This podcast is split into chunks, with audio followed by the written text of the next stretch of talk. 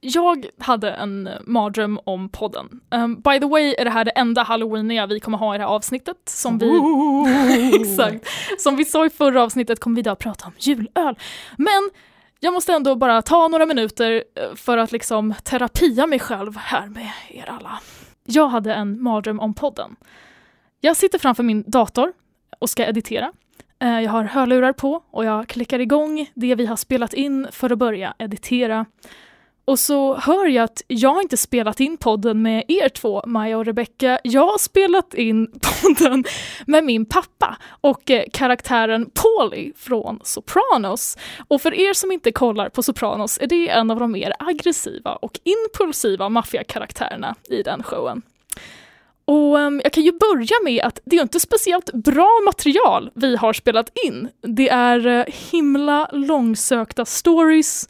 Det är väldigt lite om öl och jag sitter och lyssnar igenom materialet och tänker febrilt varför har vi spelat in det här? Det finns inget jag kan använda. Och den enda meningen som är det som jag kan använda, som jag först bara kopplar till att det är tips om hur man gör bra öl, är Don't fuck it up! Don't fuck it up! Och det här är nu vad de här två börjar chanta. Eh, och jag sitter inte längre framför datorn, jag sitter nu i ett litet mörkt rum vid ett litet bord med de här två personerna som stirrar argt på mig och skriker Don't fuck it up! Don't fuck it up! Och över det här, sakta men säkert, höjs låten Radio Gaga av Queen som till ett öronbedövande dån. Tills jag vaknar. Jag är, jag är lite orolig över eh, arbetsbelastningen jag har och, eh, och kanske min relation till min, min pappa och eh, Sopranos. Mm. Men Julia, du bryggde ju i helgen. Följde du deras råd? did you fuck it, fuck it up? I did fuck it up. so I clearly learned nothing.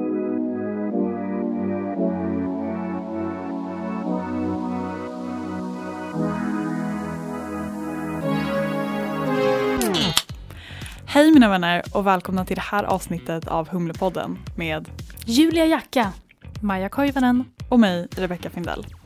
Hembryggare är ökända för att ha dålig framförhållning och det ska vi råda bot på. För det är nämligen hög tid att brygga julöl. I det här avsnittet ska vi snacka om allt som är julöl. Som vi definierar som kryddad öl, winter warmers eller annan god öl som du gärna dricker till kalanka.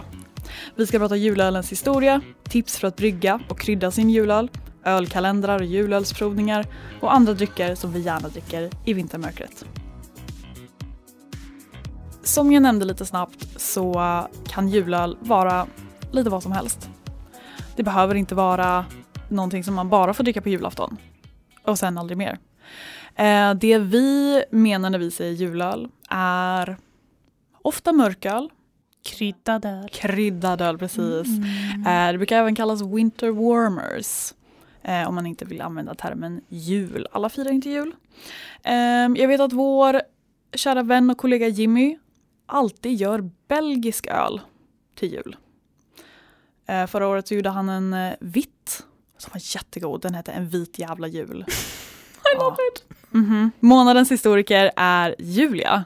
Kan inte du berätta lite, vad tycker du är julöl? Jag skulle säga mörk, kryddig och stark. Det är en bra Winter Warmer. Det har, ehm, det har varit svårt att hitta bra källkritisk fakta på temat julöl. Då julöl inte är en speciell stil, precis som Rebecca precis sa, utan det är mer ett samlingsbegrepp över den traditionella öl vi dricker på julen, som ofta är mörk men kan variera oerhört i stilar, kryddning, smaksättning och alkoholhalt. SHBF beskriver julöl så här. Julöl är en öl man brygger inför julen. Men tack vare en C-uppsats som ledde till lite böcker, lite historiebloggar som refererar till många verk, Systembolagets hemsida och lite öl-Wikipedia med många berättelser och teorier som påminner om varann och stöttar de andra argumenten tror jag ändå att jag kommer kunna dela med mig av en så nära bild som möjligt om vad vi idag tror att julölen kommer ifrån.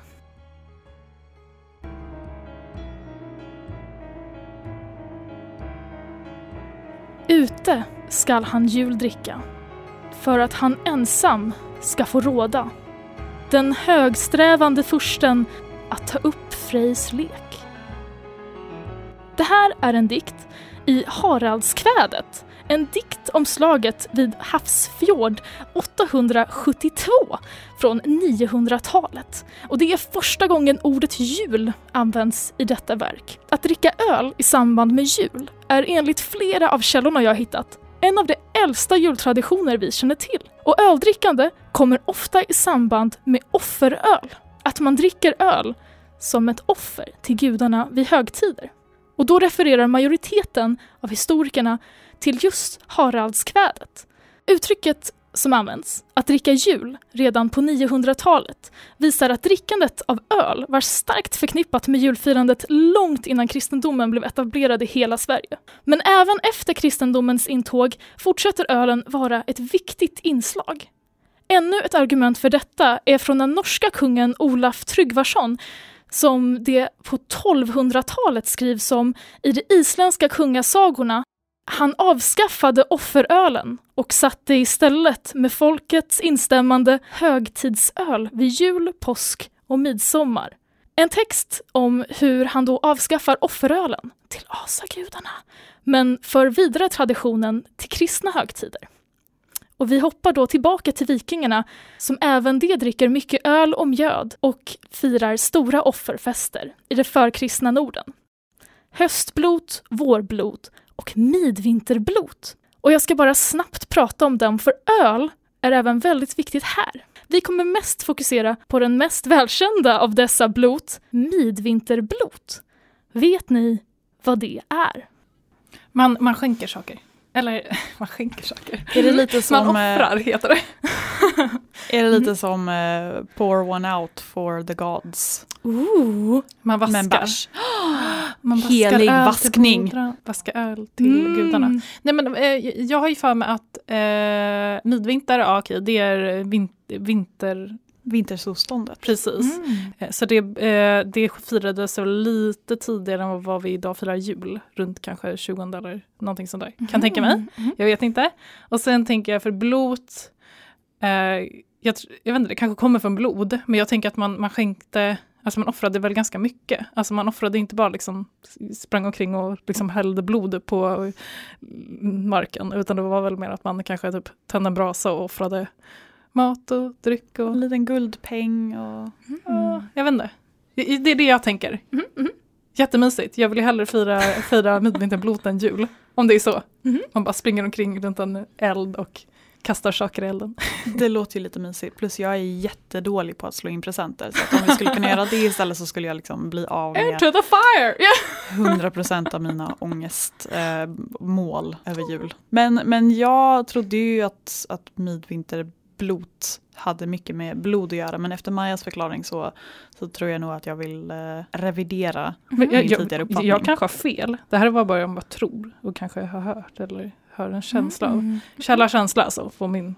Men att, att bara offra lite blod mitt i vintern känns lite så här Hollywood-tolkning av en svensk högtid. Visst känns det som det borde finnas en brasa där? Ja, ja men precis. Så, lite som Lucia tände ett ljus i mörkret och så vidare. Ja, och typ här första maj. Mm. Eller Ah. Valborg menar jag, inte första maj. Okej, Okej, ja, berätta Julia, för oss. snälla förklara. Ja men spännande. Ni är, eh, jag tycker ni har haft väldigt bra gissningar.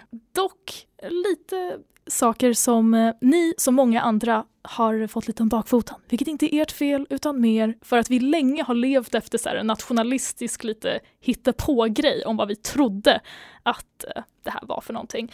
Vad vi trodde att midvinterblot var. Och sen har ny forskning kommit fram till att eh, vi ganska länge har, har trott helt fel. Den allmänna idén om att det handlar om vintersolståndet är inte vad forskarna tror på, utan flera historiker lutar mot att det firades i mitten av januari, då man vid denna tid hade en annorlunda kalender än vi har nu. Då delades året upp i två halvor, då den ena började 14 april och den andra, andra halvan av året började efter 14 oktober. Så de flesta historiker anser inte att midvinterblotet var en föregångande till då vi firar jul runt mitten till slutet av december. Scam! Scam! Uh-oh. Nu kommer det fram. Ja. Ett blot är precis som ni sa ett offer. Och när människor, i detta fall offrar djur, eller dryck till gudarna för att öka framgång. Dock vill jag understryka igen att midvinterblot vet vi, inom citattecken, förfärligt lite om, säger docenten i litteraturvetenskap Ebbe Schön, som även studerar etnologi, nordiska språk och slaviska språk vid Stockholms universitet. Den enda källan som finns som beskriver ett midvinterblot är verket Om Norges kungar och i Eddan av islänningen Snorre Sturlason, som på 1200-talet skildrar detta. Problemet med denna källa är att han skriver om det här 200 år efter att det skedde. Så det här är inte ens något som händer under hans liv, utan det är någonting han beskriver. Jag fick läsa Eddan i gymnasiet. Vad sa du hette? Eddan? Eddan. Eddan, Mm. som eh, Snorre Sturluson Mm. skrev. Men v- visst är han typ källan från för allting vi säger är Om asatron. ö, asatron? Ja. Det är liksom alla källor i Snorre. Mm. Who the fuck Classic. Vår Homeros, typ. Mm. Snorre the OG. Så från det här kommer jag dyka ner lite snabbt i vad blot betyder och hur öl har varit viktigt i flera svenska traditioner. Tack vare hemsidan svenskahögtider.com hittade jag Britt-Marie Näström som skrivit boken Blot, tro och offer i förkristna Norden. För det är här vi kommer in på min nya favoritgrej. Libationsoffer! Har ni hört talas om det? Libations har ju någonting med dryck att göra. Så alltså dryckesoffer. Nice. Er gissning var oerhört bra. Det, det är ett dryckesoffer, basically en av de största grejerna under midvinterblotet. Vilket är extra roligt för oss som jobbar med öl. Libationsoffer är offer i form av dryck. Och det här är vad Britt-Marie skriver i Blot, tro och offer i det förkristna Norden. Drickandet var en form av offer, dels i form av en libation, det vill säga att man häller ut en del av drycken för att den skulle tillkomma gudarna, och dels att man själv inmundigar drycken i form av kommunion. En måltid med gudarna. Uttrycket finns i det fragmentariska Haraldskvädet som tillskrivs Torbjörn Hornklove där Harald Hårfagre vill dricka jul på havet och ta upp Frejs lek. Vilket är hur jag började allting. Så det här är ju ett verk som refereras konstant och är egentligen där vi, vi får våra första referenser till jul och öl. Eh, och det är antagligen den här boken många källor refererar till när det kommer till dryck eh, och dess vikt av öl och mjöd när det kommer till blot eh, och olika offerhögtider. Britt-Marie har även en bra definition på blot eh, som jag snabbt ska läsa bara för att övertyga er om att det verkligen inte handlar om blod, vilket var någonting ni också funderade på. Av alla termer betecknande offer i fornordskandinaviska religioner är verbet blota det mest välkända och det har levt kvar i begrepp som midvinterblot. Verbet blota anses av andra forskare gå tillbaka till urindoeuropeisk form som blä, bel, blä, b, Sa du blä? blä, ja, B-H-L-E som betyder svälla, vara svullen och i överförd bemärkning tillta, öka. Detta innebär att offret i sig förökar den offrades egendom eller skapar något nytt. Några förbindelser med blod förekommer dock inte. För att tydligare binda ihop vad tusan jag har pratat om så ska jag bara summera. Vi har druckit öl i Norden i flera tusen år för att fira olika högtider. Drickandet av öl har länge varit en religiös process som hedrar gudar året om, men även och nästan mest refererat till vinter, jul och midvinterblot. Detta är något vi gjort innan vi var kristna, men fortsatt med även efter det. Och det finns även massa mer spännande information om vikten av öl och mjöd i det fornkristna Norden. Britt-Marie refererar även hon till Snorre Sturlason och Eddan där han beskriver vikten av öl, libationsoffer och mer.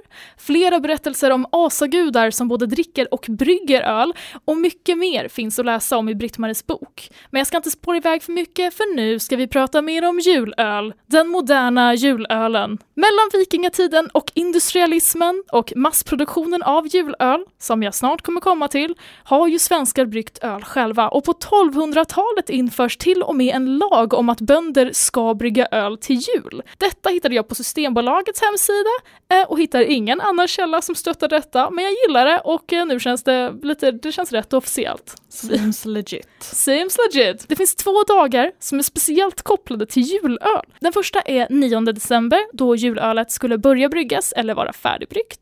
Eh, det finns olika traditioner för det. Och det är även då man ska lägga lutfisken i blöt om man gillar det. Eh, och den andra viktiga öldagen i december är 21 december då man fick smaka ölet. Får jag inte smaka min julöl förrän 21 december? Nej. När industrialismen kommer i slutet av 1800-talet börjar även större bryggerier brygga julöl. Falkenbryggeriet, grundat 1896 i Falkenberg, brygger en av de första fabrikstillverkade julölen i Sverige, 1898. Men det finns tidningsbelägg på att andra bryggerier bryggt julöl även innan det. Och idag brygger nästan alla bryggerier julöl och det är egentligen mikrobryggerier vi kan tacka för det breda sortimentet vi har av julöl idag. Då man på 80-talet bara hade två bryggerier som bryggde julölen man kunde välja på på Systembolaget. Här kommer en lite tydligare definition på vad julöl är enligt Systembolaget. Traditionell svensk julöl kategoriseras som mörk lager. I stil påminner den om den mörka, lite sötare öl som kommer från Bayern i södra Tyskland. Flera länder än Sverige dricker ju julöl, men oftast är det bara deras egen traditionella nationella ölstil som är lite mer kryddad och ofta lite starkare. Exempel på detta är isbock, dubbel eller winterwarmers. Julölen är mörk och kryddig och passar perfekt till vad vi nu associerar till julmat, vilket egentligen förr i tiden bara brukade vara festmat. Om någon annan har kollat på tv-programmet Historieätarna, ett fantastiskt program, kan man ju se att mat vi ätit i Sverige de senaste århundradena och det vi sett som fin och lyxig mat ofta är väldigt fet och salt, vilket är precis vad vi också äter på jul nu. Det mörka maltiga och de rostade tonerna, som även de är starkt associerade till jul, är mer kopplade till att det är en gammal och traditionell ölstil vi upprepar år efter år. Detta är mer likt ölen bönderna enligt lag behövde brygga på 1200-talet, då all öl var mörk. Och det baserar jag på faktumet att vi endast kunnat rosta malt i lägre temperaturer sedan 1800-talet, vilket ledde till ljusare lagertyper och ljusare öl. Men den feta maten vi äter till våra högtider passar oerhört bra till den traditionella ölen. I mörk lager har kraftig rostad malt använts, vilket gör att ölen har en mörkbrun till svart färg, aromerna präglas av choklad, lakrits och kaffe, ofta finns lite sötma balanserad av måttlig till tydlig beska. Och detta är information från Systembolaget och de anser att den traditionella julölen möter många av rätterna, den salta och feta julmatens egenskaper bra genom maltens rostade toner, bra inbäddad beska, viss sötma och ibland något högre alkoholhalt. Och där är jag klar med dagens historia. Och det har varit oerhört spännande att läsa om och jag behöver klippa bort massor av extra onödig information. Jag funderar starkt på att skapa en systerpodd till den här podden som heter En sup med gudarna där jag kommer diskutera öl, asagudar och libationsoffer. Så om ni vill höra mer om det här då är det bara skriva in. Jag måste ju säga att jag tycker lite synd om de som på 80-talet bara hade två öl att välja på. Verkligen. Det fanns bara två tv-kanaler, bara två julöl. Elände! Alla goda ting är två. Nej, det kanske de inte är. Det var inget. Ah, well. well, no. Okej, men jag, jag ville bara säga att så här, jag vet inte riktigt om jag håller med om all definition om vad julöl är. Alltså så här, Mm. det, traditionellt sett har väl julöl varit det, kanske den mörka lagen eller liksom det som har varit vanligast i, um, alltså i det landet. Men jag känner mer julöl nu är ju bara den ölen vi väljer att dricka Mm. till jul. Mm. Och det är liksom, pratar vi om eh, samma sak vinteröl, det är bara öl vi väljer att dricka på vintern. Mm. Winter warmers är bara kanske lite extra stark öl som vi väljer att dricka liksom på vintern. Mm. Och det, är liksom, det blir liksom någon form av samlingsbegrepp. Winter Mm. warmers, det kan liksom vara en dubbelbock, men det skulle också kunna vara en um, barley wine eller liksom allting som inte ens eh, passar in i någon kategori alls. Eh, Mm. När man inte har en brasa att tända så får man drink, dricka en eh, winter warmer så Ja. att man blir lite, mm. lite pirrig och Ja, varm men- i kroppen. Ja. Verkligen. Det var mycket texter om bara det. Du dricker det för att det är hög alkohol och du blir varm av det. Och det är bra när det är kallt. Nice. Men alltså, det, det är någonting med, alltså jag kommer, kommer ihåg att det liksom så här, det, det finns ju liksom olika typer av julöl skulle jag kunna säga. Alltså, antingen, när jag brygger julöl så brukar jag tänka, jag brygger julöl antingen till julbordet eller till stunderna däremellan. Mm. Eller så brygger man öl till typ julaftonskvällen. Och när man brygger kanske öl till julaftonskvällen, då kanske de blir lite starkare. Då kanske man pratar om de här winter warmers som Mhm. liksom, man sitter och dricker i en fåtölj medan liksom ungarna springer omkring och är galna över liksom nya julklappar. Men liksom till maten, ja, men då kanske det är liksom den här lagen. Och liksom däremellan, och då kanske man gärna vill ha typ en dry stout eller någonting sånt, lite maltigare men inte liksom för mycket. Lite mer av en måltidsöl nästan. Ja men alltså det blir lite mer, men det, liksom, det känns som att julöl, man har dricker olika typer av julöl, olika liksom, sektioner av julen. Precis. Nu är klockan tre, då är det slut på den här ölen, då går vi vidare till nästa. Ja, jo, men lite så tycker jag att det är. Och det blir ganska tradigt, speciellt eftersom många julöl är kryddiga idag. Det blir ganska tradigt att dricka samma öl hela Mm. julen. Min morfar tycker om att beställa ja, men typ en, en låda från Systembolaget Mm. med, med två av varje öl som man kan hitta. Som det står typ någon form av jul på. Ehm, så då har vi lite så här att all, alla får smaka av den och så, ja men jag tyckte mycket om den, ja men då får du andra flaskan. Ehm, så det, det, är mycket, det har varit mycket olika öl de senaste åren. Ehm, men nu det här året så lyckades jag eh, lova att eh, tillförse släkten med öl den här julen. Det här är alltså min första dedikerade julöl som jag har Mm. gjort. Eh, och den gjorde jag nu i oktober. Eh, malten hade jag redan hemma så det blev ett så ganska billigt kalas för min del. Du vet hembryggare, lätt för att bli dumsnåla. Ehm, basen på min julöl är en brown porter. Eh, maltnotan innehåller marisotter, brown malt, black malt och melanoidinmalt. Min favoritmalt. Humlen var en liten skvätt iskrämd Golding som bit- bittergiva. Jäst var Dry English Ale, VLPL 007 från White Labs.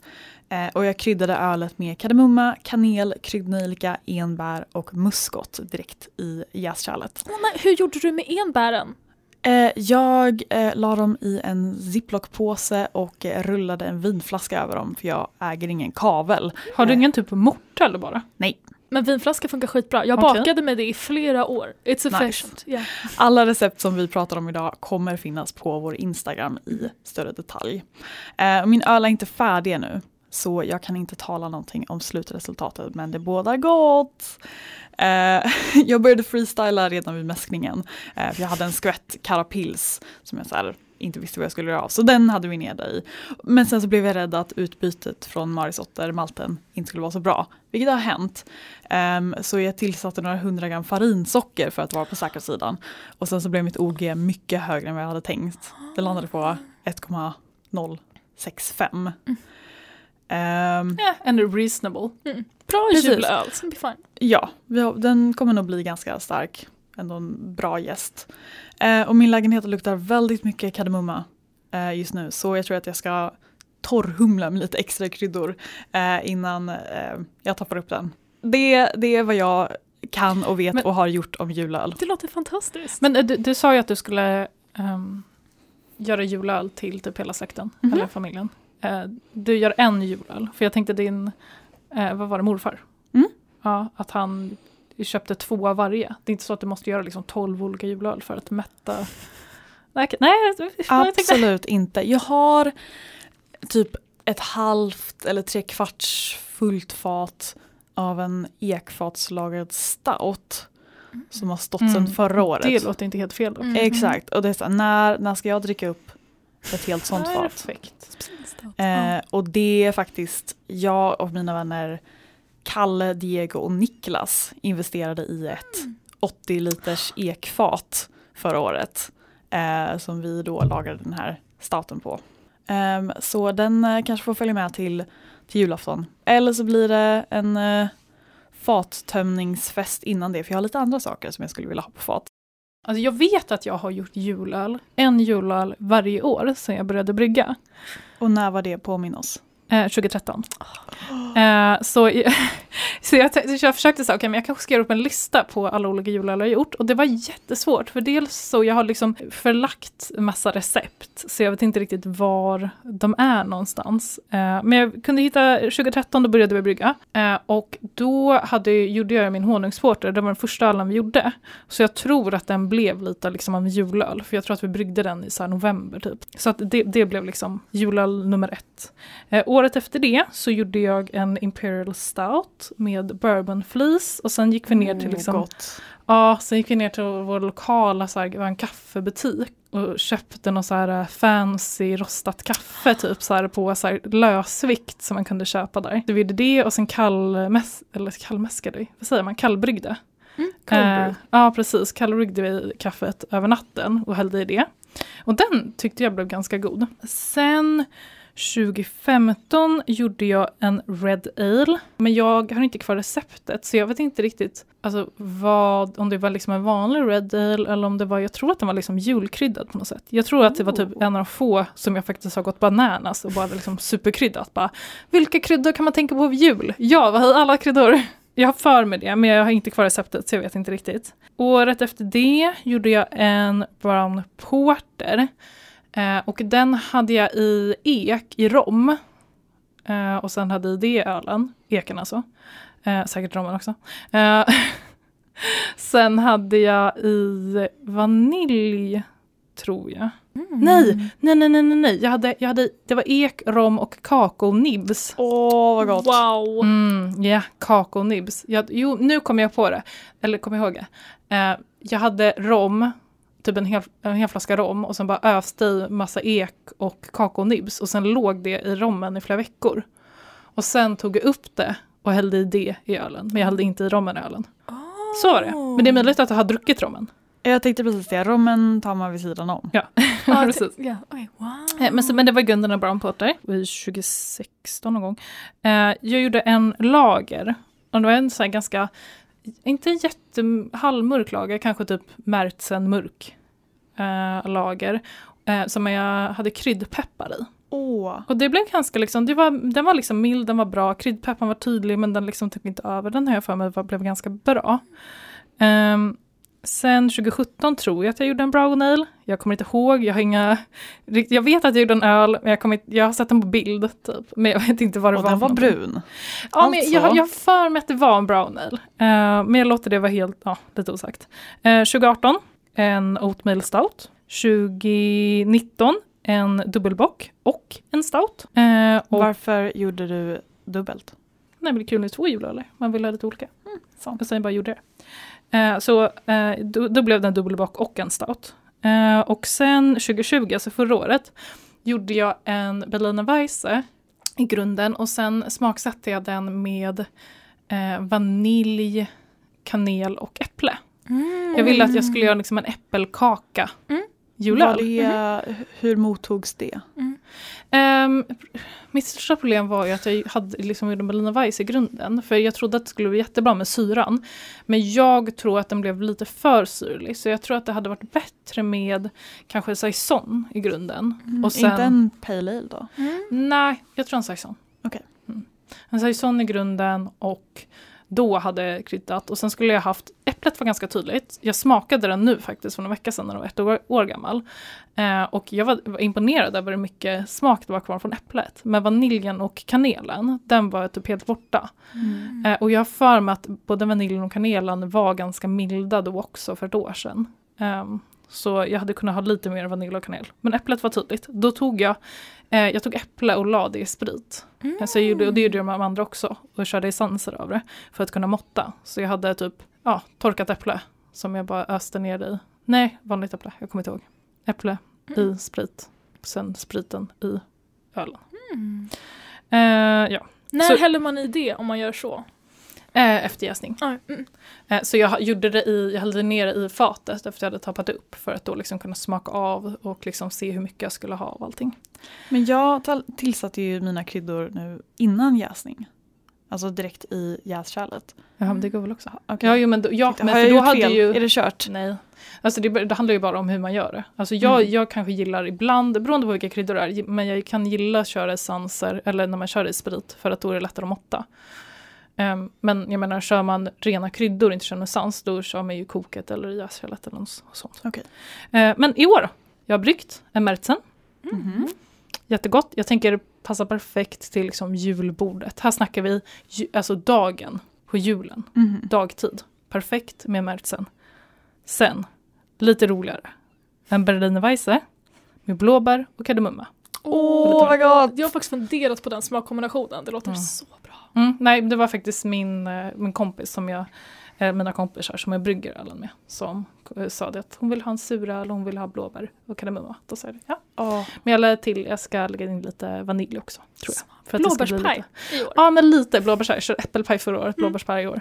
Nej, men eh, jag vet inte. Jag tror att det kommer att bli jättegott. Och det, just att de, inte, de är ganska olika ölerna så funkar det ganska Mm. bra. Jag brukar inte köra, som ni kanske har hört, med jättemycket kryddor. Eh, jag kör typ en krydda och sen någonting annat. Eh, men jag gillar mer att hålla på med ek och någon frukt Mm. eller något sånt där. Eh, för alltså så här, att dricka, för och, och när man som hembryggare gör en öl, då blir det att man dricker ganska mycket av den ölen kring jul. Jag vill inte dricka en kryddbomb hela julhelgen. Eh, och jag är, inte, jag är generellt sett inte jättemycket för superkryddad. Alltså jag tycker inte det är jättegott med så här jättemånga olika kryddor. Utan då tycker jag det är godare med liksom en. Och generellt sett så gillar jag inte kanel så mycket. Så jag vet inte varför jag hade kanel i förra. Men det var för att jag ville få komma åt det här äppelkaka. Just kanel, mm, nej. Jag känner ju nästan lite att jag överkompenserade och hade i, alltså jag köpte alla möjliga kryddor på affären som jag förknippar med jul. Och jag brukar egentligen försöka hålla mig till Reinheitsgebot. nice. Så Vill- det här att tillsätta eh, massa annat eh, trams kändes ju nästan lite fel. Så när du väl gjorde det så hade du i allt. Ja, Eller vadå? Ska du vara oortodox, då kör du all in. Precis, det kommer inte bli något sånt här på minst ett halvår sen så. Men är det inte jobbigt sen? Nu kommer du ha, hur mycket brygger du? 20 liter typ? Ja. ja så nu har du 20 liter sån kryddbomb. Ja, men ni Känns det, många. det, kommer du, eller vänta, det var vaskar uh, drottningen. Jag, Nej, jag tänkte på, nej, kommer du verkligen det dricka här- upp all de, de 20 literna krydd? Du kan ju ge ut det här som presenter till alla. Ja precis, det här ska ju här bjudas på på julafton. Ja, Okej, ja, bli okej. ja jättebra. just det. Och du jag- skulle ju vara fler, ni Mm. skulle vara flera stycken. Jag tar bara med mig hem ett tomt fat. Jag tänkte på det här bara snabbt, för du har nämnt Reinheitsgebot tidigare. Och eh, jag tror de flesta som lyssnar vet vad det är, men det finns också några som lyssnar som inte vet vad det är. Rebecca, vill du summera? Vad är Reinheitsgebot? Reinheitsgebot är den tyska renhetslagen som ja, tillkom när tyskarna lärde sig brygga öl typ för hundratals år sedan. Eh, och den säger i princip att öl får innehålla fyra ingredienser. Malt, humle, jäst och vatten. Inget annat. Och det är basically något tyskar fortfarande liksom följer idag. Jag gillar ju att följa det.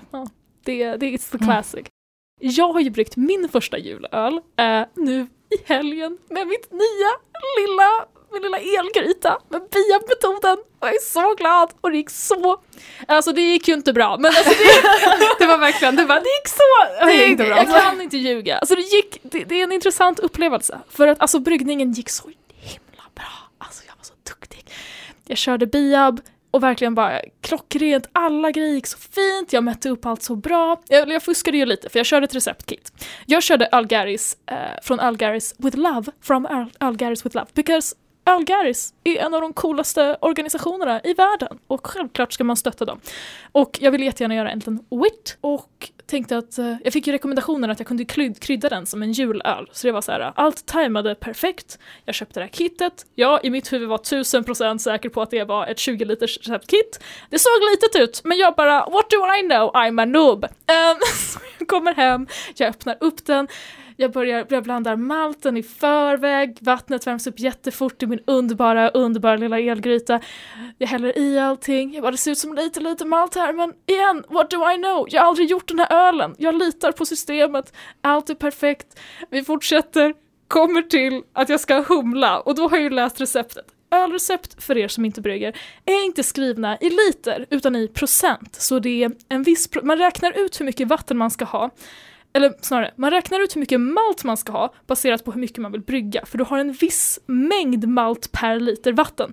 Så de flesta recept är liksom att du kan skala upp dem hur stort eller hur litet som helst. Och det är jättesmart om du vet exakt vad ditt receptkit innehåller, för annars så har du inget riktigt mått och bara, men det här ser ju bra ut. Um, det var inte förrän det riktiga måttet kom det enda som jag kunde jämföra med, vilket var humlan. Uh, där jag läste i receptet att det var 10 gram humle om du kokade 10 liter och det var 20 gram humle om du kokade 20 liter. Och så tittar jag ner i lådan och stirrar i runt en minut på 10 grams eh, paketet av humle. Där jag då, den stirrar på mig, jag stirrar på den. Jag upptäckte att jag har kokat ett receptkit på 10 liter på 20 liter vatten. Eh, så jag hällde av 5 liter eh, av, av, min, av min vört, eh, hade i humlen och eh, kompenserade sen med lika mycket kryddor som jag hade tänkt ha eh, på 20 liter på mina nu 15 liter. Det kommer bli någon härlig kryddig folköl eh, och jag ser fram emot det. Det kommer bli spännande. Jag har ingefära, jag har kardemumma, jag har nejlika och jag har saffran i. Jag har lagt i dem under olika tider, skrivit ner exakt när jag har kryddat. Så att ifall den här underbara lilla folkölen jag har påhittat på nu uh, blir underbar så vet jag exakt när ingefäran ska i och när saffranen ska i. Uh, jag, jag ser fram emot det här. Ja, jag ser fram emot det här. Men Julia, tog du ett OG i alla fall så att vi kan Nej. lista ut Nej det gjorde jag inte. Jag tog okay. inget okay, Så du har ingen aning om hur stark den blir faktiskt? jag, jag kände att nej, när jag, när jag upptäckte det här, eh, det, var, det var så här, nu måste vi lösa det här snabbt, eh, Uh, med att bara bli av med vatten och bara koka av så mycket som möjligt så att jag i alla fall får någon sorts styrka, uh, I don't know, uh, så, så glömde jag att ta en liten test. Uh, men, men vi ser, det luktar gott, luktar jättegott. Uh, jäsningen just nu lite seg, den är ju bredvid min vin min vinjäsning som bubblar på som bara den, så jag menar, jag är kanske blyg, vi får se.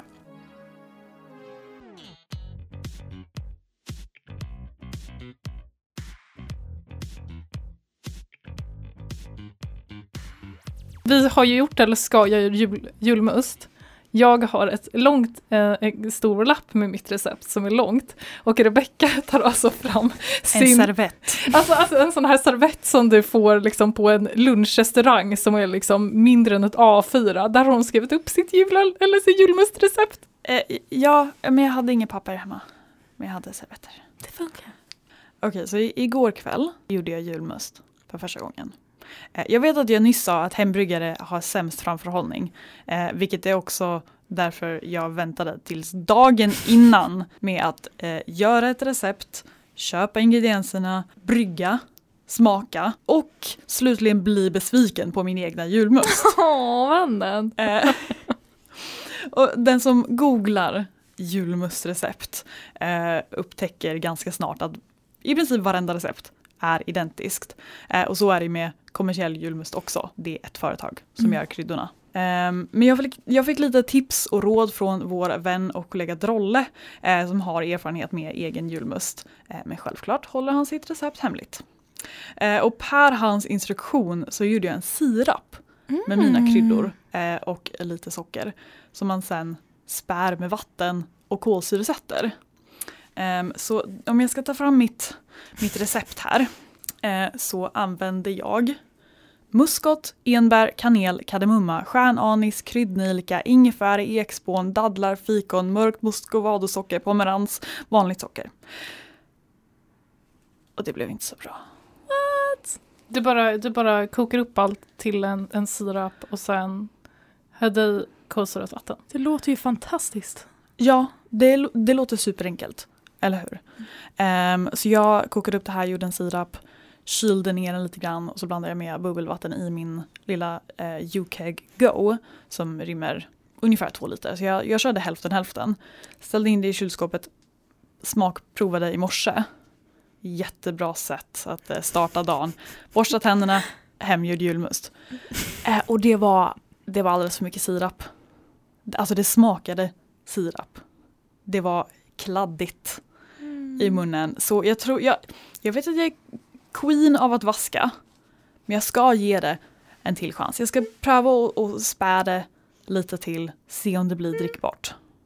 Men alltså smakerna i sig, var de, var de bra? det smakar ju inte som, som vanlig julmust. Men det smakar jullikt. Mm. Och eftersom att jag hade så himla många kryddor så var det jättesvårt att identifiera ens en enda krydda. Ja, alltså jag gjorde ju julmust, jag har gjort en julmust en gång tidigare. Och det var typ 2016 tror jag. Gick det bättre för dig än för mig? Eh, alltså, jag kan ju säga vad jag, eh, då, vad jag gjorde var att jag gjorde ju en liksom mäsk. Jag använde wienermalt, pilstermalt, eh, Cararoma och low sugar chocolate som jag gjorde liksom en mäskare helt enkelt, mäskmäskare. Eh, och sen hade jag i eh, mörkt candysocker, muscovadosocker, russin, tonkabönor, muskotnöt, pomerans, kardemumma, melass, eh, färsk ingefära, vaniljstång, enbär, kanelstång, lite humle, stjärnanis. Mm. Vad är tonkabönor för någonting? Det, Åh, det det är någon konstig Mm. grej. Det är någon, Men det är ett sött bär, tror jag. Ja, men jag, jag vet inte egentligen vad det är, för jag bara liksom fick om någon, jag kommer inte ens ihåg vilka det var. Eh, jo, det var eh, från eh, våra vänner på det lilla köksbryggeriet. Eh, de gav mig liksom, ah, kolla vi hade, hörde tonkabönor över, här får du det. Jag bara, okej, sure, jag gör något med det här. Och det, det smakar lite underligt. Eh, jag vet inte riktigt hur jag ska beskriva det. Men i alla fall, eh, och då tyckte jag, alltså de var okej, men de smakade inte riktigt julmust. Och ehm, jag tyckte att det var lite för kryddigt. Och eh, ett av de största misstagen jag gjorde då var ju att jag också gjorde 20 liter. Mm. Oj! Jag tappade upp det på ett fat. För man, kan inte, Wow. man vill ju inte jäsa julmust. Man vill ju ha det alkoholfritt. Eh, och du måste ju kunna kolsyresätta det på något sätt. Så du kan ju inte liksom kolsyrejäsa på flaska. Så då bara, ja, jag tappar upp det i ett, eh, jag har ju bara 18 liters fat. Så jag tappar upp det på ett 18 liters fat. Men oh my god, det var så mycket. Jag drack upp typ en, en halv liter och sen bara blev jag typ less på det. Alltså det var okej, men det var inte supergott. Ehm, Men så, hade det samma konsistens som kommersiell julmust? För det, det är Nej. mitt problem just nu. Nej. Eh, men så jag har ju reviderat receptet. Så nu, det första jag ska göra är ju ett, att inte mäska. Två, att inte koka typ 90 minuter som jag gjorde tidigare. Jag bara, bara koka i typ 15 minuter. Eh, och tre, jag ska bara göra typ 4 liter. För idén är att jag tappar upp på eh, två stycken eller tre. Eh, jag, tar bara lite petflaskor. Eh, för sen har jag en sån här petadapter som jag kan kolsyresätta med. Smart. Eh, så jag kör lite sån. Eh, så mitt recept nu är jag ska ha mörkt, mörk spraymalt, alltså torkat maltextrakt. Eh, istället för att mäska då. då. Eh, jag ska ha i mörk candysocker, muscovadosocker, lite humle, russin, muskotnöt, pomerans, ingefära, enbär, stjärnanis. Jag ska alltså inte ha några tonkabönor. Jag ska inte ha någon kardemumma. Jag ska inte ha någon melass. Jag ska inte ha någon vanilj. Och jag kanske, jag har inte riktigt bestämt mig om jag ska ha kanel i.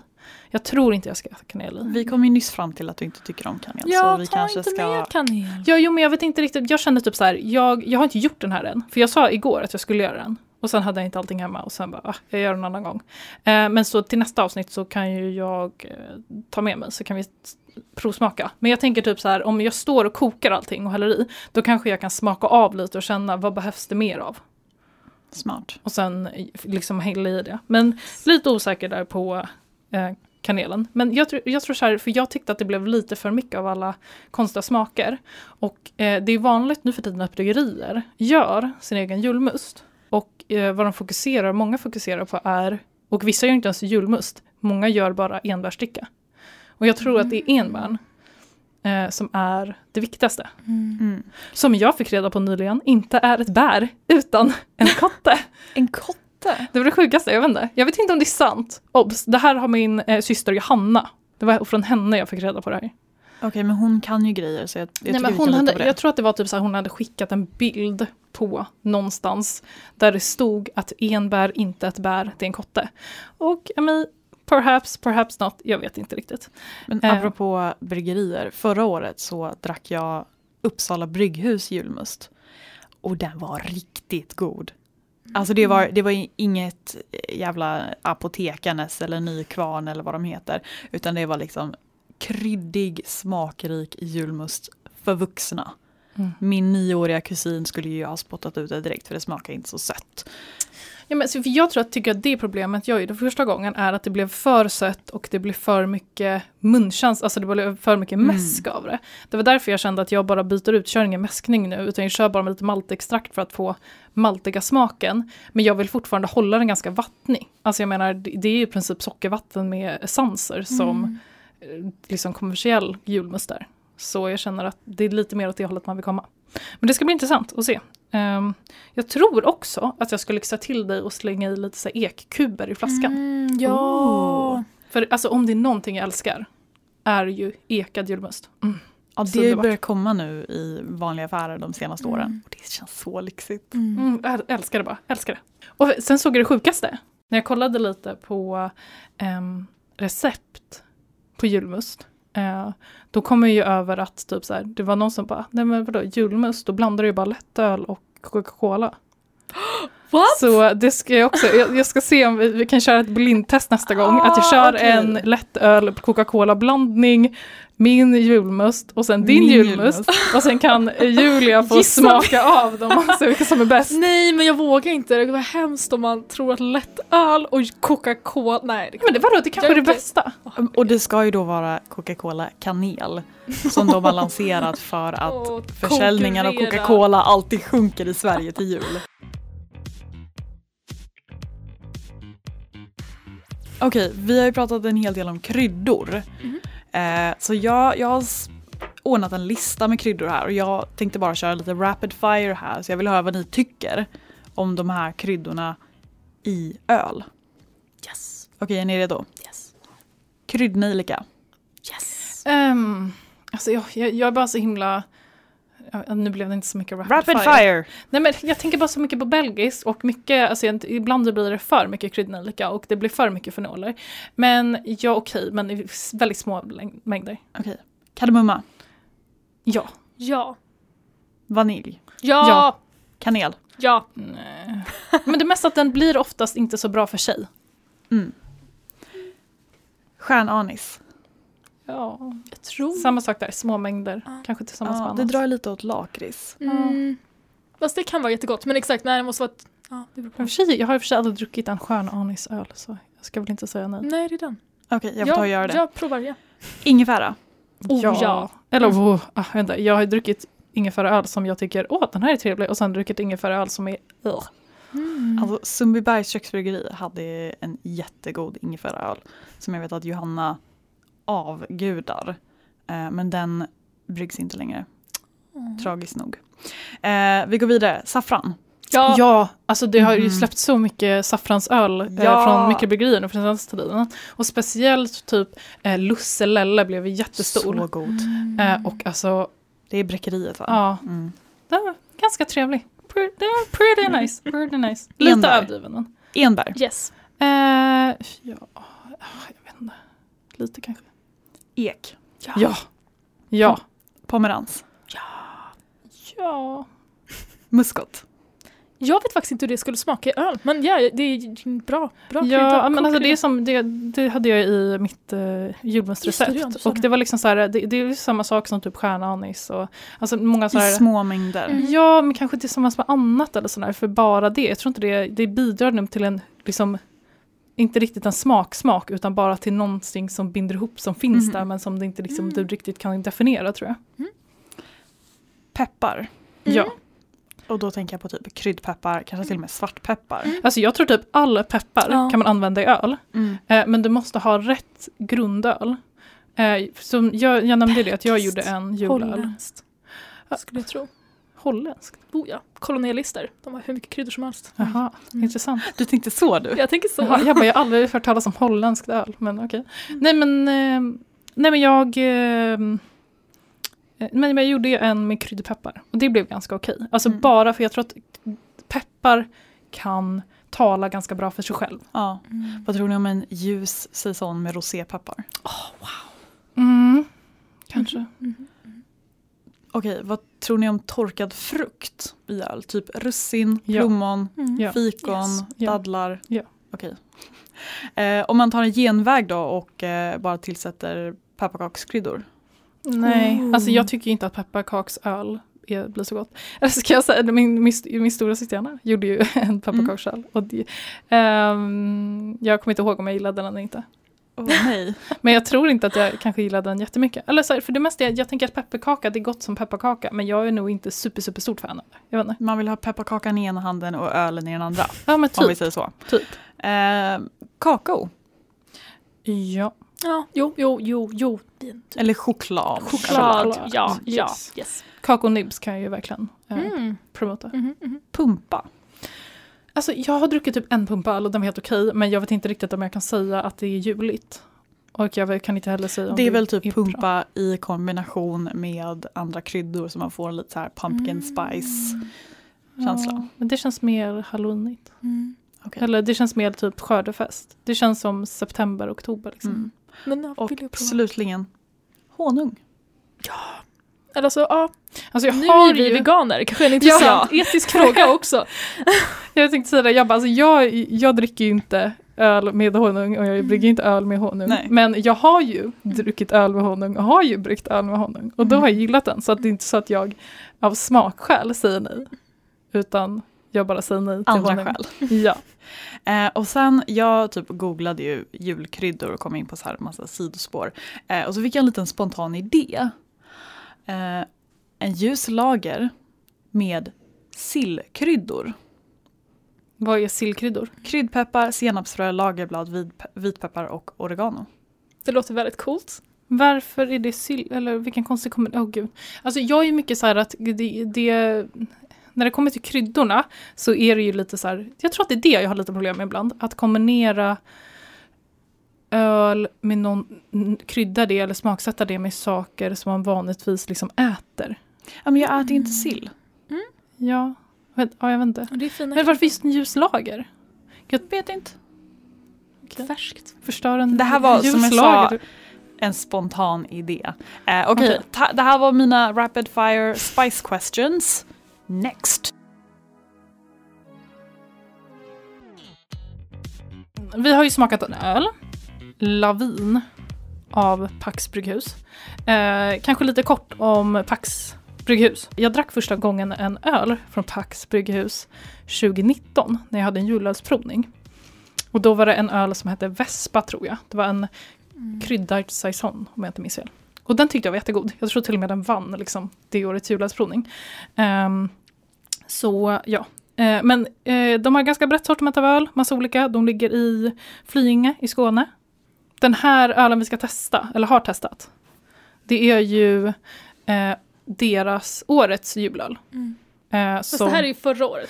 Ja precis, för att eh, när vi spelar här in det här. Vi eh, vill ju verkligen testa den här ölen eh, eftersom Maja berättade så himla fint om den. Och när vi kikade på Systembolagets hemsida så fanns den på ett systembolag, nämligen Saluhallen i Lund. Eh, och det här är ju då för att vi spelar in det precis innan de lanserar årets version av den här. Eh, så det här är ju liksom de sista, sista flaskorna som finns kvar.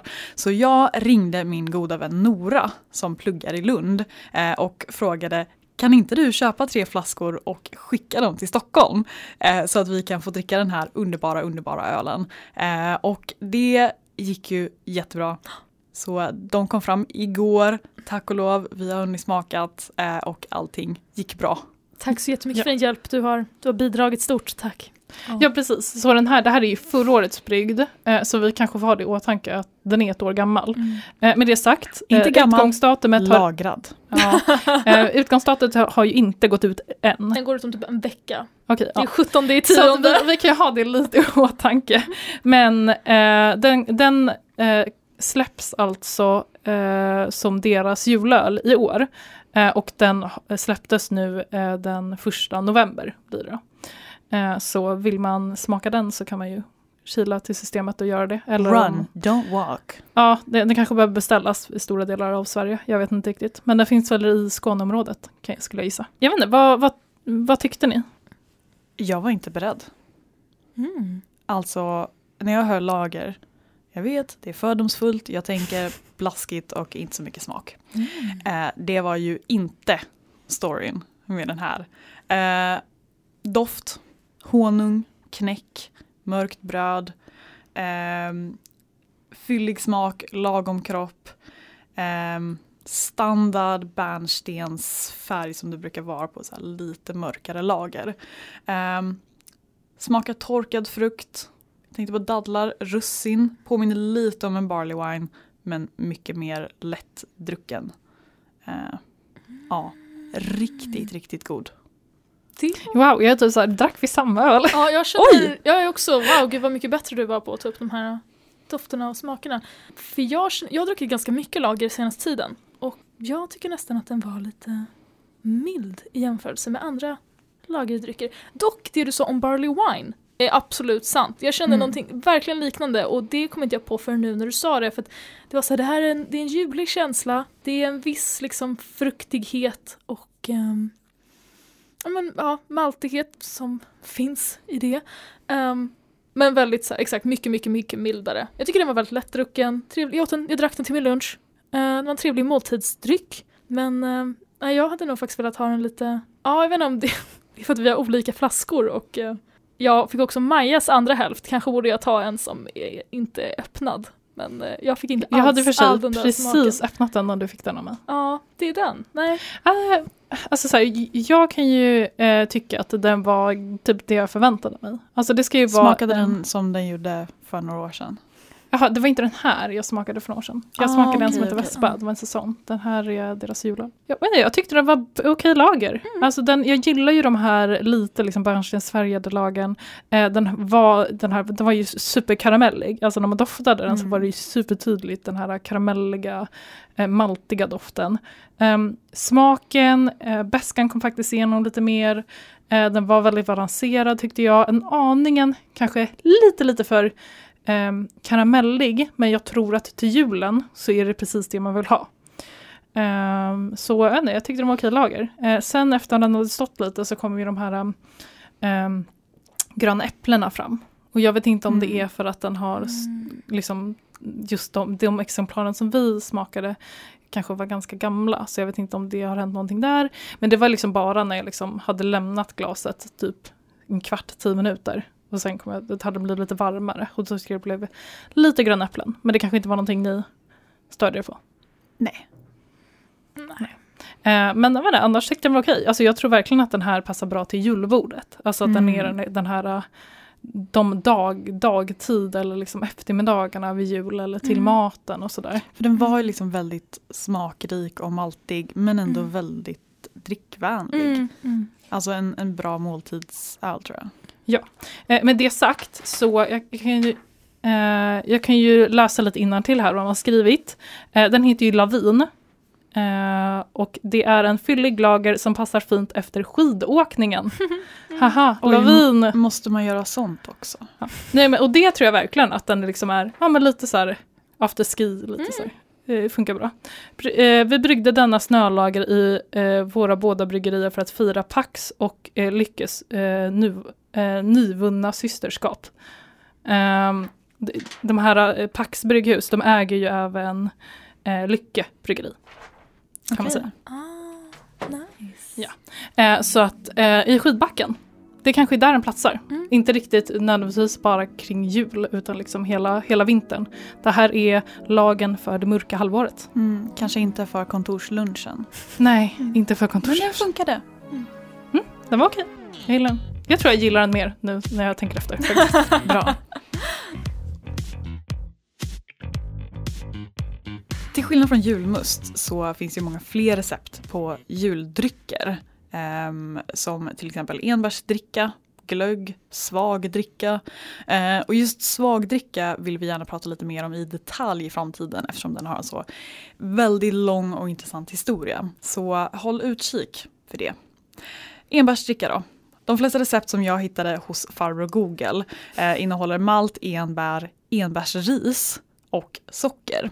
Detta är då fermenterade enbärsdrickor så var vaksam över alkoholhalten om det ska bjudas på. Vill du göra det på det här viset, leta då efter ett recept från någon med bryggerfarenhet. Eh, exempelvis Humlebladet, vårt forum, eh, som har jättemånga recept och inlägg från flera, flera år tillbaka.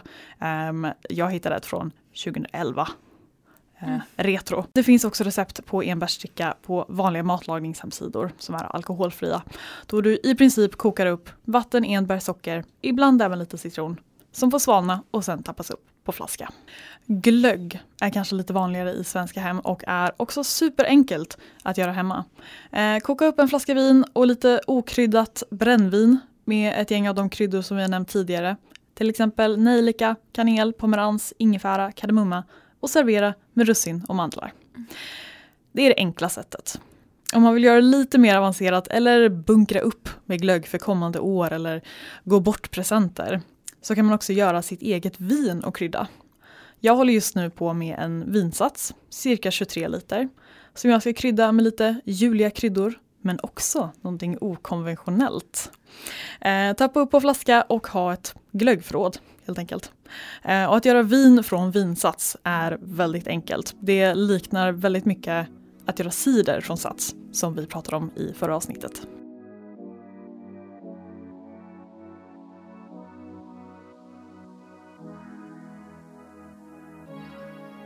Ni ska ju utbilda er till att bli alldomare i SBF. Yes. Ehm, bra, tycker jag. Vi behöver fler kvinnor. Eh, vi är väldigt underrepresenterade skulle jag vilja hävda. Så ehm, den gick jag en gång i tiden eh, tillsammans med Johanna. Och vad jag skulle rekommendera er att göra och som även andra kan göra, även om man inte brygger öl eller kan öl, Eh, men bara om man gillar öl, är ju att göra en öladventskalender. Det är någonting som jag har gjort flera, flera gånger. Eh, när jag gick domarkursen så gjorde jag och Johanna det åt varandra. Förra året gjorde jag och min lilla syster Lovisa det åt varandra. Och idén är att du har, istället för att köra en sån här chokladkalender liksom, så har du 24 öl. Och du får öppna en öl per dag från första december till 24 december. Ja, Åh, det är mycket. Lite vuxet. Ja, men eh, så, eh, för anledningen till att jag rekommenderar er att göra det är för att ehm, det är ett jättebra sätt att liksom testa och lära sig mer och typa in öl. Eh, för vad ni gör då är, om ni gör det åt varandra, är att ni köper stiltypisk öl, 24 stycken, för, för en, eh, 24 olika stilar, om ni får tag på det. Eh, det kanske behöver beställa lite. Men så ni eh, köper in eh, 24 olika öl, ni lägger in dem typ i aluminiumfolie, eller om ni lyckas ta bort etiketten eller någonting. För det är viktigt att de här ölen är anonyma. För annars så står ni där och kollar, aha, kolla, det här är Sierra- Nevadas eh, dubbellipa. Ja, jag vet att det är en dubbellipa. Då är det jättelätt att typa in den. Idén är att ni ska öppna en öl varje dag och sen ska ni försöka typa in den och döma ölen blind. Okej, så det är både en öljulkalender och liksom prov. Mm. Ja, jo men lite så. Eh, för att ni kommer behöva plugga på det, att typa in öl.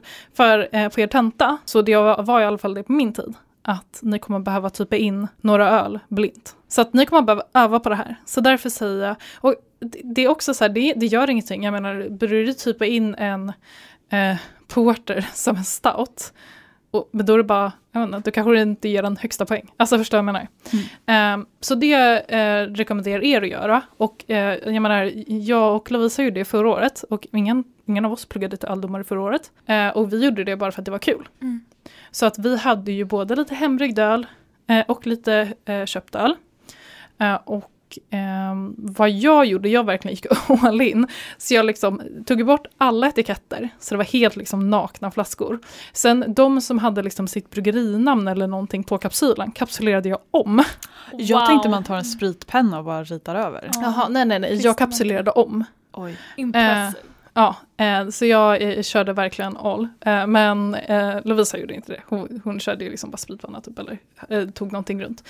Nej men så, ehm, men det är ganska lätt att göra det, alltså jag menar kör aluminiumfolie över flaskan, det går att öppna kapsylen även fast det är aluminiumfolie över kapsylen. Liksom. Mm. Så att det, det är typ det enklaste sättet att göra det på. Det blir lite som att varje öl är en liten vänta, present. Och, Och så sen vill du ju också skriva upp alla öl. Eh, så om man kör aluminiumfolie då har man ju kvar etiketten så då kan man bara efter man har liksom smakat den och bara gissat vilken öl det är och sådär kan man öppna den och kolla, ah okej det var den här ölen. Mm. Ehm, gjorde man det som jag gör, eller jag men det som jag gjorde, eh, då var jag ju tvungen att skicka med en lista på liksom öl nummer ett är den här, öl nummer två är den här. Typ. Ja, jag tänkte så här, ska man numrera dem så att du, det blir lite mer som en adventskalender? Att, okay, Ja, ja, det finns ett. öl 1, öl 2, öl. 3. För det var också det när jag gjorde, jag ville ju inte att eh, jag till exempel så var jag ganska sen på att tappa upp ölen, så jag var ju tvungen att lägga all min hembryggda öl sist så att den hann kolsyresättas. och sen var jag också så här, för att de ska, man vill ha ölen kall, men man kanske inte har plats för hela adventskalendern i. Så då kanske man på morgonen ställer in ölen i kylskåpet. Eh, Som liksom den ölen man ska smaka. Men så jag skulle rekommendera eh, att numrera ölen. Är man hembryggare, då kan man ju faktiskt under hela årets gång ehm, göra så att man brygger öl och sen typ varje öl så sparar man en flaska av. Och då kan man faktiskt kapsylera, det finns ju så här kapsyler som det är numrerat 1 till typ 24 eller 25. Så man kan ju liksom sätta på en sån kapsyl på dem också. Och de har små tomtar på sig, olika jättesöta. designer. Ja, de är, verk- de är ju gjorda för en ölkalender. Mhm. Jättegulliga är de. Så sådana använde jag förra året till exempel när jag kapsylerade om eh, ölen. Men så det rekommenderar jag verkligen. Och även eh, alla andra som inte pluggar till är jättekul att liksom vara två stycken och byta ölkalendrar med varandra. Ja, för det behöver ju inte vara stiltypiskt utan det kan ju vara Mm. God öl. julöl, fin etikett, eh, dyr eller ja, vad som helst. Det behöver inte ens vara något tema alls. Nej, precis. Och är det så, alltså jag menar det är ett ganska roligt sätt att prova många olika julöl på. Mm. För det finns ju utan tvekan 24 olika julöl där ute. Oh ja. Så då kan man ju göra så, ända fram till jul. Testar man en julöl per, eh, per dag. Eh, men så det, ja, det är bara en liten rekommendation jag vill Det slänga ut. låter där. jättekul. Mhm. Tänker ni göra det? Ja, Ja. absolut. Vi har ju en rolig sak som händer på Humlegården. Ja. Gud vad glad jag är att jobba här ibland. Alltså när det börjar bli mörkt och man är lite ledsen för att man inte får se solen, då vet man, nu nalkas Humlegårdenmästerskapen. Ah, nej men okej. Eh, vi kan ta det från början. Uh, Humlegårdenmästerskapen är ju någonting. Det är en intern bryggtävling vi har på jobbet. Så alla, alla ni där ute, om ni brygger öl och det är fler på jobbet som brygger öl, så kan jag ju verkligen rekommendera att göra något liknande. Eller om man har en stor kompisgrupp som gör det. Precis. Mhm. För alltså alla de här, det är SBF eh, och liksom andra hembryggar ehm, Föreningar. föreningar. De har ju massa liksom, tävlingar och så. Men jag menar, varför håller man inte bara en intern? Alltså man kan göra interna bryggtävlingar. Bjud in eh, liksom, era, dina närmsta bryggkompisar och, eller, och, jag menar, till finalen när ni verkligen tävlar. För man kör ju Folkets val. Då är det ju liksom, ja men då kan man ju bjuda, bjuda hem hit hur många som helst. Liksom. Ta med vänner och familj och liksom. Superkul i alla fall. Eh, nej men så vad jag gjorde var att jag 2016 eh, att gud vad kul det hade varit med en liten hembryggartävling. Vänta, är det du som har startat Humlegårdsmästerskapet? Oh Ja, ja, ja. my Vi har en kändis bland oss. Nej! Eh, Åh, det blev så mycket coolare. Ja, jag och visste ja, inte. det var ganska länge sedan, jag kommer knappt ihåg. Men det var säkert, eh, vi satt säkert flera stycken och pratade om det här i eh, lunchrummet eller något sånt där. Och sen Jag tänker inte ge någon annan cred för det här. Mhm. Okej, ja, men jag, jag ville gärna ta mest cred eftersom jag faktiskt höll, höll i tävlingen första Oh, ja. så. Eh, Men så eh, idén första året var alla får en påse och i den påsen finns massa ingredienser. Och med de ingredienserna så ska du brygga så bra som möjligt. Och du får brygga vad du vill, hur som helst. Den som vinner, den vinner ju liksom vår vandringspokal som vi har här på Humlegården. Alltså vi har liksom en vandringspokal så det står liksom Humlegårdens bryggmästare. Uh. Och eh, första året eh, vi gjorde den så eh, vann Henrik Andersson den. Sen året efter det så var det också något liknande. Då fick man också liksom en påse med humle och malt och jäst och sådär. Men eh, man fick också en hemlig ingrediens. Oh. Det kunde vara en frukt, det kunde vara en krydda, det kunde vara lite vad som helst. Så det var lite, det var lite unfair, man fick det var chansen som valde, liksom bestämde. Sen fick man göra det bästa av det. Det året vann Jimmy Lindeman och Rickard West. Grattis till dem. Mhm. Jag har för mig att de gjorde någon, de hade sån här, ni vet sån här som är typ en blandning av, det ser ut som en det ser ut som en orange tomat, fast det är liksom i fruktavdelningen. Persimmon. Ja, det låter rätt.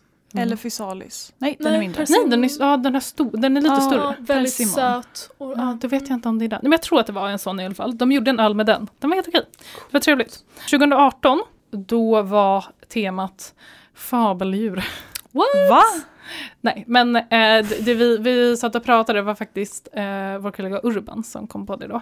Att det är kul att vi tvingar folk att brygga sådana här eh, sorter som vanligtvis inte bryggs så ofta. Och då var ju eh, en av de ölsorterna Helles. Det är min, nu min favorita ölsort som jag hela tiden brygger. Men det var faktiskt eh, den första Hellesen jag bryggde. Och det året vann jag. Mhm. Nice. Så det är därför du fick mer smak. Eh, det kanske. Jag kom på att jävlar, det här är en god grej. Eh, året efter det var temat single hop. Det var, man fick eh, bara brygga en apa typ, eller en IPA och man eh, fick bara jäsa mus 05. Sen Var- fick man välja en humle var. Och den fick man bara använda den humlen. Och då man behövde ha minst 10 gram per liter humle. Var Åh, malten frivillig då? Eh, jag tror att malten var frivillig. För att det var liksom, man var ju tvungen att göra en apa eller IPA, men hur man ville göra den spelar ingen roll. Mm. Det året vann Henrik Sandén. 2020 var temat Porter Stout. Och alla ingredienser var tvungna att vara liksom, man var tvungen att använda engelsk humle, man var tvungen att använda eh, typ engelsk malt, man var tvungen att använda engelsk eller typ irländsk eh, jäst. Så det var verkligen så fokuserat på Det här de var brittiska öarna. Det här var första gången jag ställde upp eh, och jag bryggde med Lovisa. Mm. Och eh, när, när vi väl testade ölen, då var det typ som blindtest. Ehm, men man fick inte rösta på sig själv. Och jag glömde ju bort vilken öl som var min såklart. Ehm, så jag, jag behövde ju dubbelkolla med Lovisa innan jag röstade. Så, vänta, är det här vår? Eh, och jag hade ju ingen koll på vilken som var vår. Och jag bara, ja, Lolo, visst är det den här? Hon bara, skämtar du? Den smakar ju inte alls som vår öl. Ehm, men jag var nybörjare. Klas Wallin gav, eh, vann ju det året. 2021, förra året, eller det här året, Mm. det här året, Mm. det är 2021 nu, Mm. Ja. eh, vann eh, min kära syster Lovisa och temat eh, mörklager. Då gjorde ju du och jag, eh, Julia, en eh, det var första gången jag bryggde en rökbock. Mm, rökbock. Det gick ju sådär. Ja, För att vi fick den inte kolsyrad så här jäsa på en flaska så den var helt platt. Ja, den, den lever sitt liv. Men den är jävligt god nu, alltså när den har lagrats. Jag drack den för, ja nu var det någon månad sedan, men jag ska prova igen. Den har blivit fin. Den har fått tiden den behövde för att mogna. Jag har faktiskt en flaska över. Så då ska jag passa på att smaka den. Ja. Men blev den kolsyrad? N- Jag tror inte det, nej. Den är platt. Ja, det var ju det. Det var jättetråkigt faktiskt.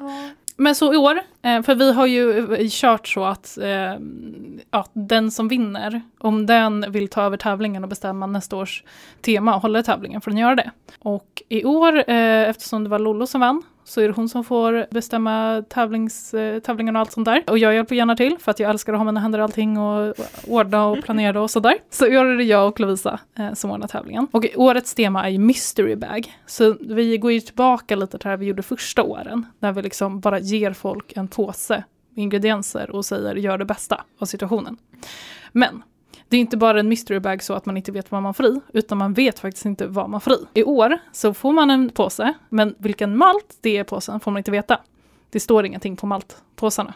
Så vi ser till att det finns specialmalt, vi ser till att det finns liksom ehm, basmalt och sånt, men man vet inte vilken det är. Man får lukta och smaka sig till vad det är för något. Ja, men lite så. Wow. Eh, Man får använda sina sinnen för att sätta ihop ett recept helt enkelt. Eh, samma sak med humlen. Du vet inte vad du får för humla. Det enda du kommer få veta är vad det är för alfasyra på den. Åh gud. Ja. Och du får bara använda gäst som eh, börjar på samma bokstav som ditt namn. Så jag eh, som heter Maja Koivunen kan ju då välja, vi har någon gäst som heter Köln eller något sånt där tror jag. Vi Mm. har, har vi något som börjar, Märtsen, Mm. finns det någon gäst som heter? ja, typ. Finns det någon gäst som börjar på J för att jag har en allitteration i mitt namn? Så, Eh, Åh, du har jag, bara jag en tror det. bokstav. ja, ja, ja, ja. Alltså vi, vi dubbelkollade ju så att eh, det finns ju en gäst på alla bokstäver. Men Nästan, bra, bra, inte bra. exakt alla bokstäver men det är ingen på vårt företag som heter Mm. på de Mm, bokstäverna som fattas. Men så det är det- ingenting. Det är ju tillåtet att brygga tillsammans med någon. Ja. Eh, och jag vet att det är två personer som ska brygga ihop som har helt olika bokstäver i sitt namn. Så de har ju fyra olika Smart. bokstäver att välja mellan.